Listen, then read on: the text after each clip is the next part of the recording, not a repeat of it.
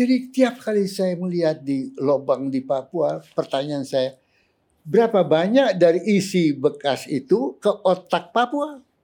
Nang. Berapa banyak dari batu bara ini ke otaknya pap orang Kalimantan? Non. Inilah Endgame. Saya akhir-akhir ini sering bicara mengenai lingkungan. Iya. Dan kalau kita perhatiin semenjak apa sih revolusi industri pertama, Hmm. 1850-an lah ya, Hmm. itu dunia udah mengemisi karbon kurang lebih 1.400 gigaton. Iya. Ya. Ya kan? Dan tentunya mayoritas dari 1.400 gigaton itu dilakukan oleh negara-negara maju. Iya. Eropa Barat dan Amerika Serikat lah. Dan tentunya ada juga Jepang dan beberapa negara lainnya. Tiongkok baru akhir-akhir ini aja sebetulnya, tapi Iya. kecil kontribusinya. Kalau saya ngobrol sama ilmuwan dan akademisi yang ngerti mengenai ini, kalkulasi mereka tuh atau estimasi mereka mungkin kurang lebih hanya 3.000 sampai 4.000 gigaton Iya. karbon yang masih tersisakan Ya. di bumi ini. Ya. Nah, konsumsi manusia per tahun itu kurang lebih 60 gigaton. Ya. Itu kalau dengan asumsi konstan aja kita hanya memiliki cuma 50 tahun. Hmm. Ini cukup eksistensial kan? Ya. Tapi kalau saya dengerin anak-anak muda ngomong gitu, kayaknya mereka nggak ngeh Ya. mengenai hal-hal seperti ini. Bahwa masa depan mereka tuh cukup finite. Ya. Nah itu gimana? Atau what's what's your view on this, Pioneer? Saya, saya ini punya cicit. Ah. Dan really, really, ya. Terus if you ask me why I'm still macam-macam, Iya, iya. saya punya dua cicit. Oke. Dia tidak Usianya sampai berapa? Umurnya berapa? Satu tahun, dua, tiga tahun. Oke. Saya hitung pada 2045 dia ini bisa menjadi 21 tahun, 22 tahun, masih young. What kind of Indonesia will he get? Gitu ya. Ini in your in your mind. Dan, maka diskusi saya belajar teman-teman. Do you know what is happening now? Indonesia now is an island country seperti Seychelles. Ya. Kalau ada climate change, ya, sea level rise, bukan Amerika, bukan RRT, bukan Eropa yang jadi korban. Hmm. Island country jadi korban. Kita di Pacific Island dan kita di RI, Ya. negara kepulauan itu. Dialog dengan teman-teman, bagaimana itu? Sea level rise. Dan seperti di Indonesia, ambil Jawa. Hmm. Bagian utara Jawa Ya. adalah soft soil. Tanah ini ya, yang dibawa oleh sungai-sungai ini. Ya. Soft soil ini di, karena diambil air macam-macam is sinking. Jadi Jawa is begini. Hmm. The top Til- tilting. tilting, jadi Wow. yang utara is gradually sinking, Mhm. laut is gradually naik, Ya. banjir pantai utara. Wow. Nah, itu dalam dia- dalam diskusi dengan ahli-ahlinya itu. Tentu tidak besok, tidak besok, it's a matter of time. But apa akibatnya? Sungainya mengalir, tidak bisa karena sea Iya, level rise, Betul. Tidak mengalir, banting kembali. Iya. Dan itu menimbulkan neng- menenggelamkan tanah-tanah di pantai utara tadi Iya. itu. Nah, dan ini akan terus naik itu. Nah, Apalagi Donald Trump tetap menolak climate change sebagainya itu. Nah, kemudian yang menjadi masalah lagi adalah perubahan iklim, perubahan cuaca, perubahan curah hujan menyebabkan curah hujan air tawar Hmm. menjadi masalah. Curah hujan itu menjadi masalah. Jadi banjir di masih banjir, kering di macam itu. nah. Sementara itu cuci tangan untuk COVID segala macam itu. Ouch. When, how dan sebagainya. Jadi ringkasnya teman-teman bercitra, Pak Indonesia ini perlu menyiapkan diri terhadap the future sinking of the country itu. Wow. Nah, lantas kita diskusi how. Ah, lantas ada way out-nya. Baduk lepas pantai. Betul. Seperti yang dilakukan di Ya, Korea. the dam, Kemudian breakwater gitu-gitu. Ya. Hmm. dan dengan demikian untungnya adalah membendung banjir. Ya. Tidak ada gitu. ya. Kedua, ini air asin keluar, Fresh water. air ini water reservoir. itu. Ketiga, Hmm. jadi air jadi air tawar yang Iya. sama dengan dua tiga jatiluhur. Iya, gitu. fresh water. Ketiga, space untuk solar energy. Betul. Empat, akan muncul tanah-tanah kena reclaim itu ya. Iya. Betul. Space untuk apa? Pembangunan. Pembangunan. Kemudian, do you know Indonesia negara kepulauan tidak punya itu samudra pelabuhan samudra kita tidak Iya. punya. Iya. Transshipment. Semua transshipment Singapura Iya. negara kepulauan. Iya. Malaysia Nah, juga udah sementara ada. itu Singapura akan penuh. Dan sekarang debatnya adalah mau pergi ke RRT Iya. atau Malaysia. Why not Indonesia? Wh- why, why the hell should this transshipment? Jadi saya nggak mengerti. Ini dulu kan ada ya, apa ilmuwan dari Hmm. Belanda kalau nggak salah Hmm. memikirkan ini kan pembangunan kanal Nah, di utaranya Pulau Jawa kan, ya Bemlen namanya. Iya. Bemlen. tahun 50 atau 60 sekian. Ya. Itu luar biasa loh Ya, dan itu Ya. sangat masuk akal ya. dan itu sangat nyambung banget dengan pemikirannya Pak Emil.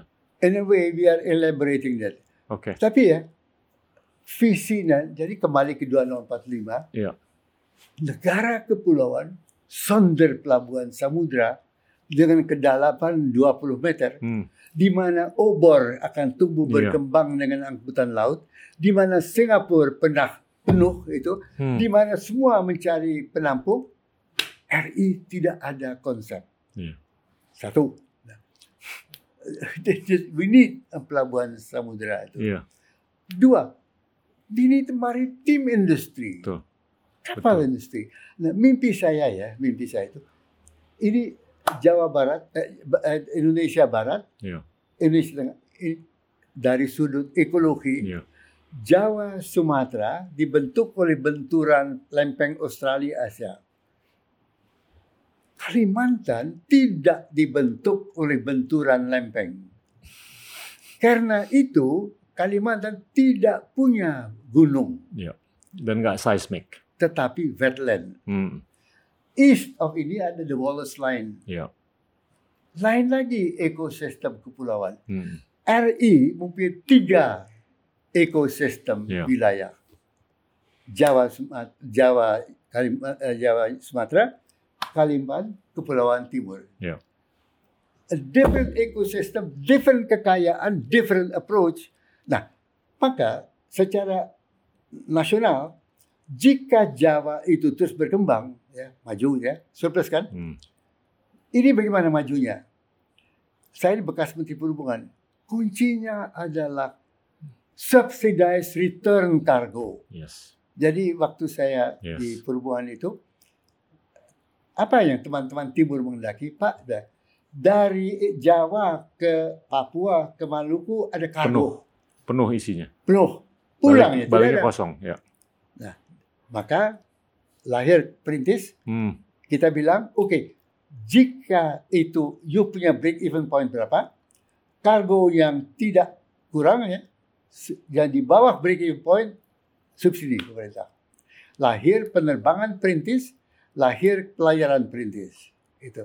Jadi intinya return cargo you have to subsidize. Jika kita develop Jawa ya dengan tadi itu Hmm. pantai utara, ini air, listrik, segala Ya. macam, dia boom, maka he can become a driving center Oh, for growth. biasa. Kewajibannya adalah return cargo Ya. dari East Indonesia dia subsidize. Ya, betul. Anda demikian Ya. real tidak dengan membuat ibu kota di tengah-tengah Kalimantan. Talk about that. Mengenai pemindahan ibu kota. The, the logic is wrong. Oke. Lah, apa logik kan kamu pemerataan? Ya. Pemerataan is tidak dengan membuat physical ibu kota. Ya. Pemerataan adalah dengan membuka sistem Ya. yang membuka kunci dari pembangunan itu. Apa kuncinya? Return cargo Ya. cost. Ya. Nah, kalau return cargo cost, subsidize dari growth yang kau capai di Jawa ini. Ya. Oke.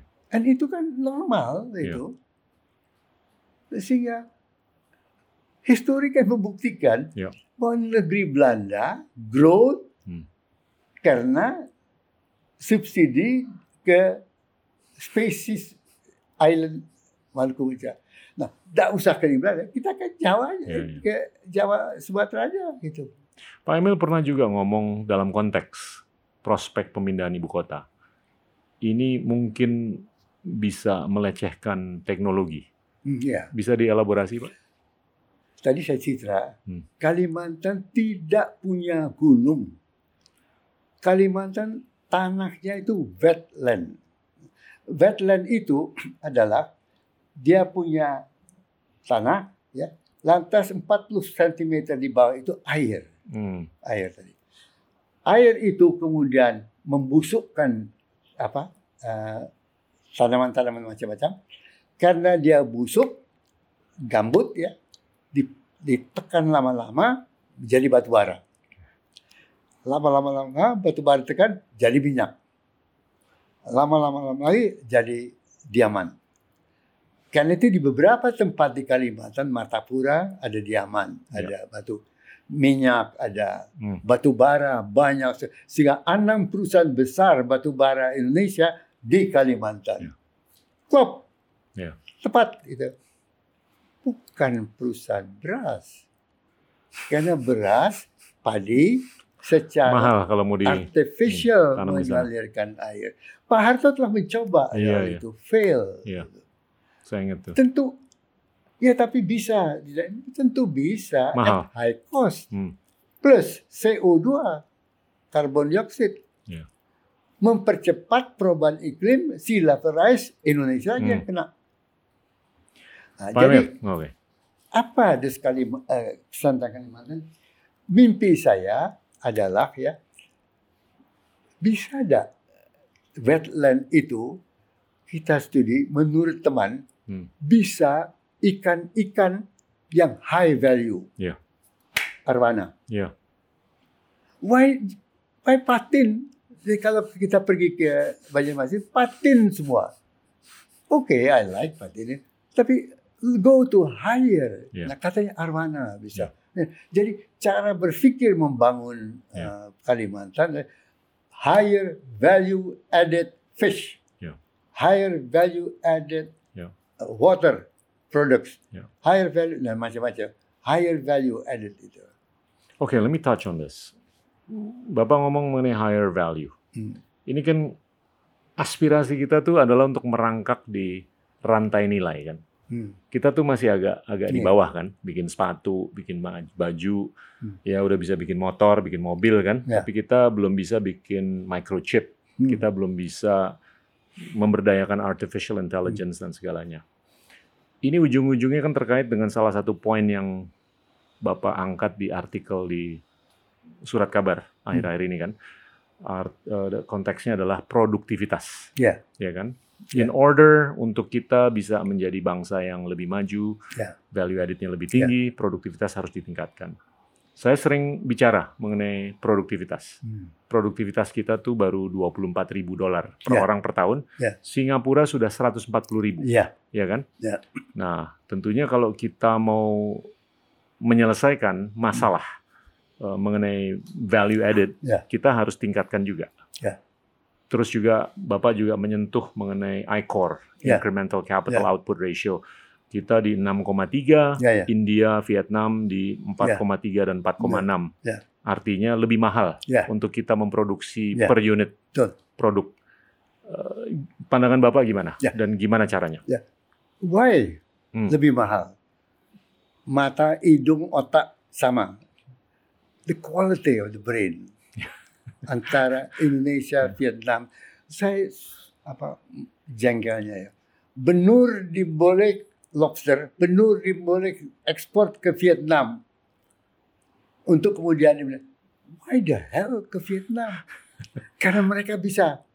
Why the hell mereka bisa? Kenapa tidak mereka mengajar kita itu? Ya. Jadi logika kita adalah raise your brain power untuk Hmm. untuk product productivity.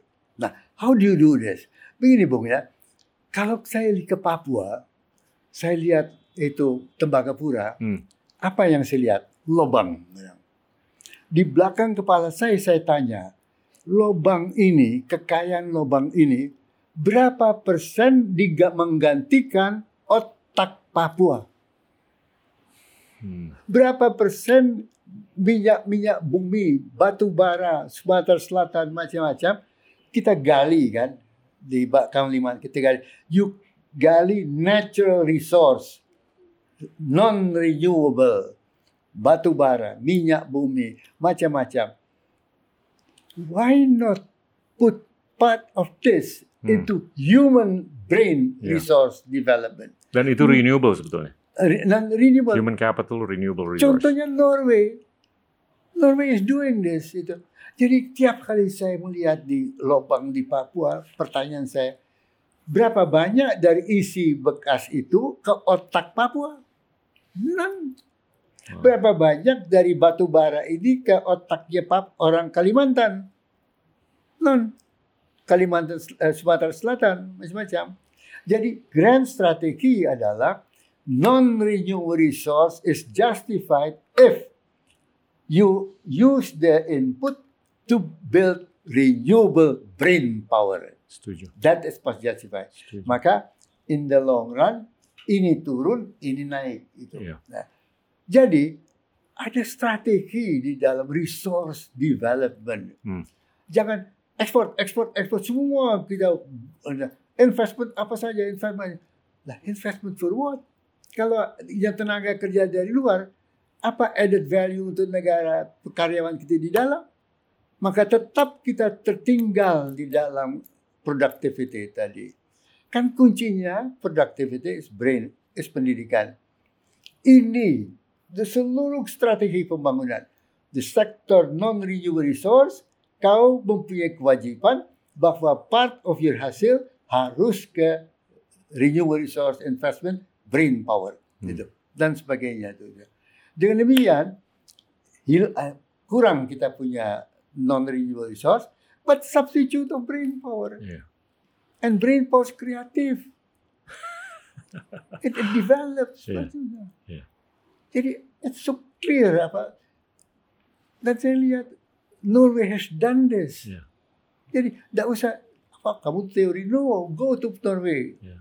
Baca peraturan. Go to Sweden. Baca peraturan. Singapura. Ya. Singapura juga. Ya. Human Saya- capitalnya Saya luar di biasa. New Zealand juga. New Zealand, Singapura, Nah, Norway. why why do why do we imitate Hmm. Sekarang Minerva ya tambah menjadi 90 tahun tambah menjadi tidak ada kewajiban untuk renewable resource transfer. Tidak ada. Aduh, Oke. why so kenapa ya begitu timid itu? Itu ngerti. Well noted, Pak Emil. Hah? Well noted. Saya catat dengan baik. Dan tapi saya mau nanya lagi nih mengenai apa obsesi Pak Emil, Bapak yang memprakarsai Yayasan Kehati, ya, ya kan, keanekaragaman hayati. Eh, dan kalau saya lihat by product dari Ya. prakarsa tersebut luar biasa. Ya. Ya, bahwasanya masyarakat luas tuh investasi di beberapa saham yang green ya, ya kan, yang Ya. ramah lingkungan. Bahwasanya masyarakat luas tuh investasi di reksadana yang Ya. ramah lingkungan. Hmm. Kenapa ini belum terlalu berbola salju? Ya. Secara pervasive gitu loh. Ya. Kenapa, Pak? the mood Ya. yang dipelopori oleh government Ya. tercermin pada kadin segala macam Ya. is not sustainable development. Oke. Ya. Ini omnibus law. Ya. Hal ikhwal berkaitan lingkungan dianggap mempertele-tele Hmm. apa administratif itu. Jadi mindset ya Hmm. tidak paham makna dari sustainable development. Itu yang saya lihat. Termasuk pengusaha. Ya. Maka usaha kita dalam Sri, Sri Kahati itu is deliberate to have friends. Ya. Merangkul friends. We need you. Kekitaan, Yeah. Please apa help us. Gemeinschaft. Yeah. You understand. ya. please help us. Ya. You talk with your fellows ya, Yeah. that this is beneficial for the nation and Yeah. for yourself itu. Tapi ini menarik That, Pak that, Emil. that is the ini apa, the motivation itu. Kadang-kadang kan atau sering kali nih Ya. gesekannya kan antara kepentingan short term Ya. dengan kepentingan long term Exactly. kan. Exactly.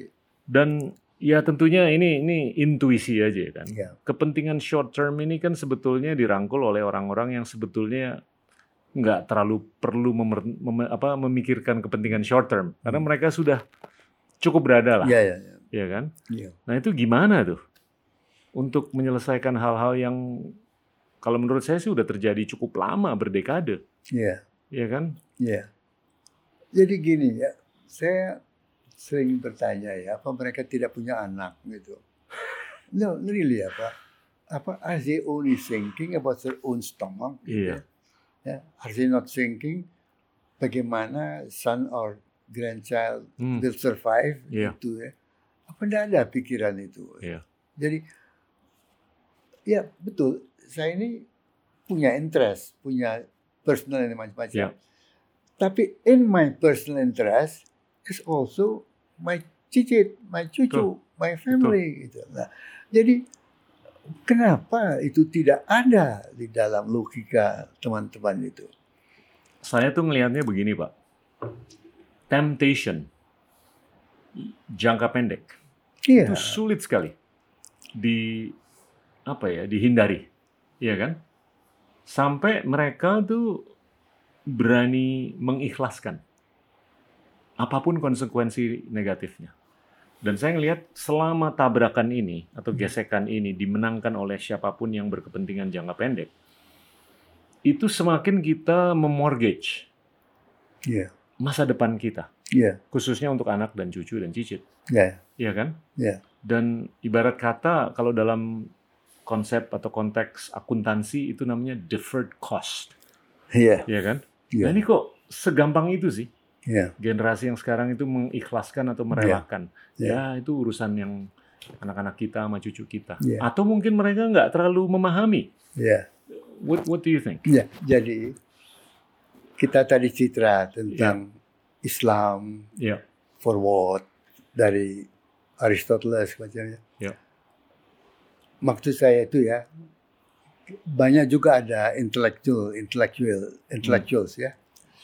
Bisa tidak para intellectual to think beyond the short term money interest itu ya. Ya. Dan coba berpikir gaya Aristoteles atau gaya Khawarizmi Ya. macam-macam ya.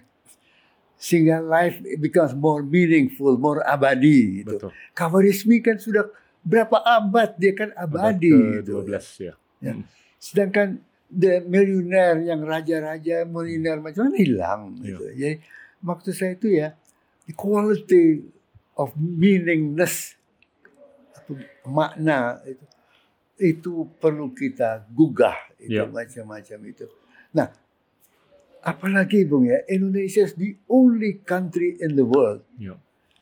kepulauan, khatulistiwa, vertical zone, dua samudra, ini bergerak angin, ikan laut sini, ikan laut sini, Berkah. dua benua ini, masya Allah, Masya Allah.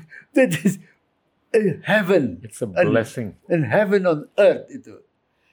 Is it, is it a we- curse of being blessed? Ya, Is it the curse of being blessed? tapi apa?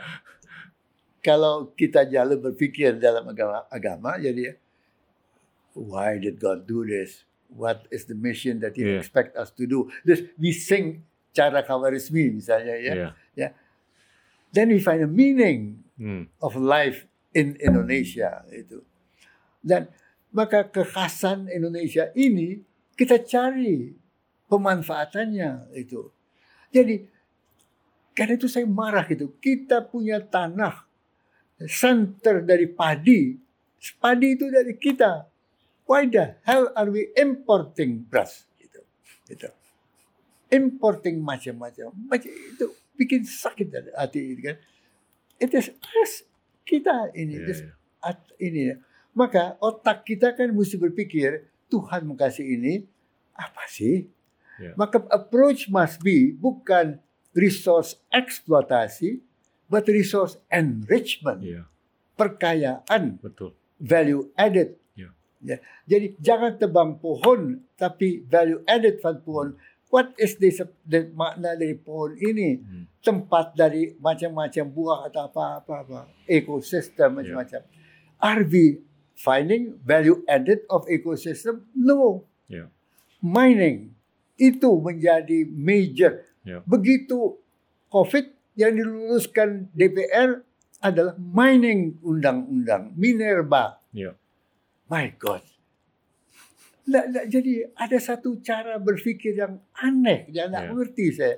Kenapa tidak pikir how to make use of the sun, of the wind, of the rain, Ya. of the hijau, mengembangkan ada apa di balik semua ini. Kalau teknologi solar atau matahari itu studinya kalau yang saya baca ya Pak ya, itu walaupun sinar matahari banyak, Hmm. tapi awannya banyak di Indonesia. Ya. Sehingga utilisasinya Hmm. kalau sudah ada matahari itu tidak maksimal. Hmm. Ada yang bilang cuma 20 sampai 40 persen Ya, ya. dari sinar yang diserap. Oleh karena itu ya mau nggak mau kita tetap ke fossil fuel.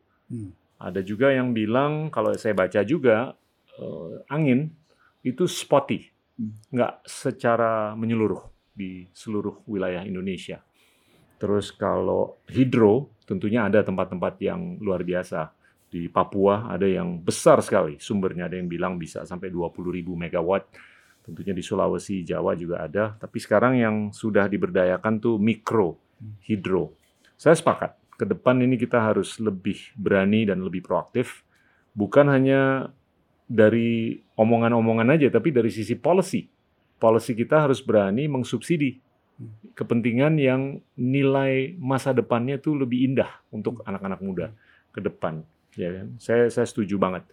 Eh, dan saya melihat ketergantungan kita terhadap hal-hal yang konvensional eh, seperti fossil fuel itu kurang bijaksana.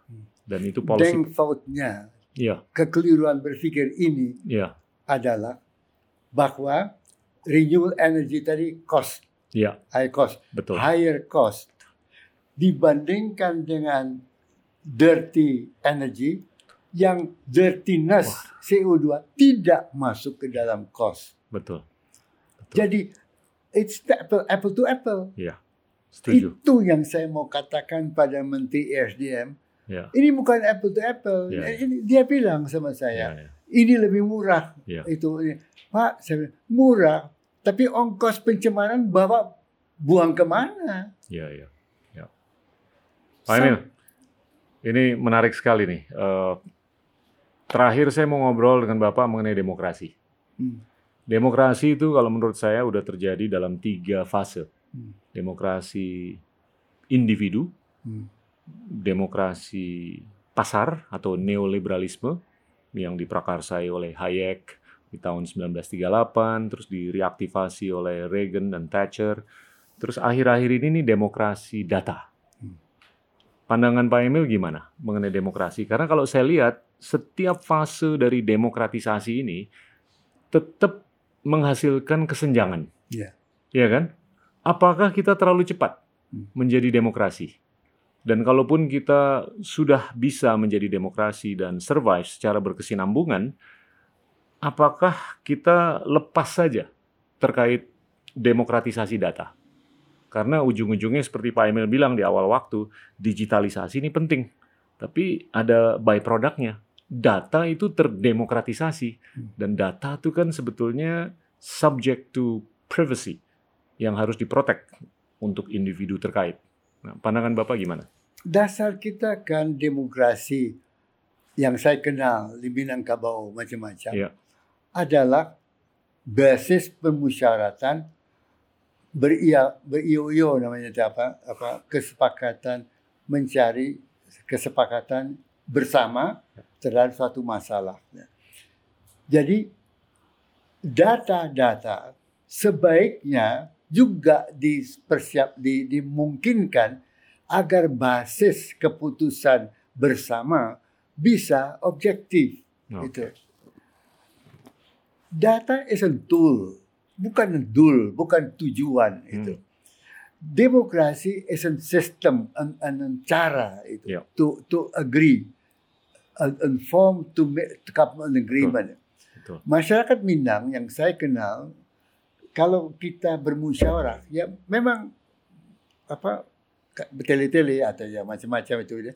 Tetapi untuk menggali sebanyak mungkin informasi Iya. agar keputusan itu well informed bagi mereka yang mengambil keputusan Iya. dan dengan informed yang well itu take the right decision. Ya.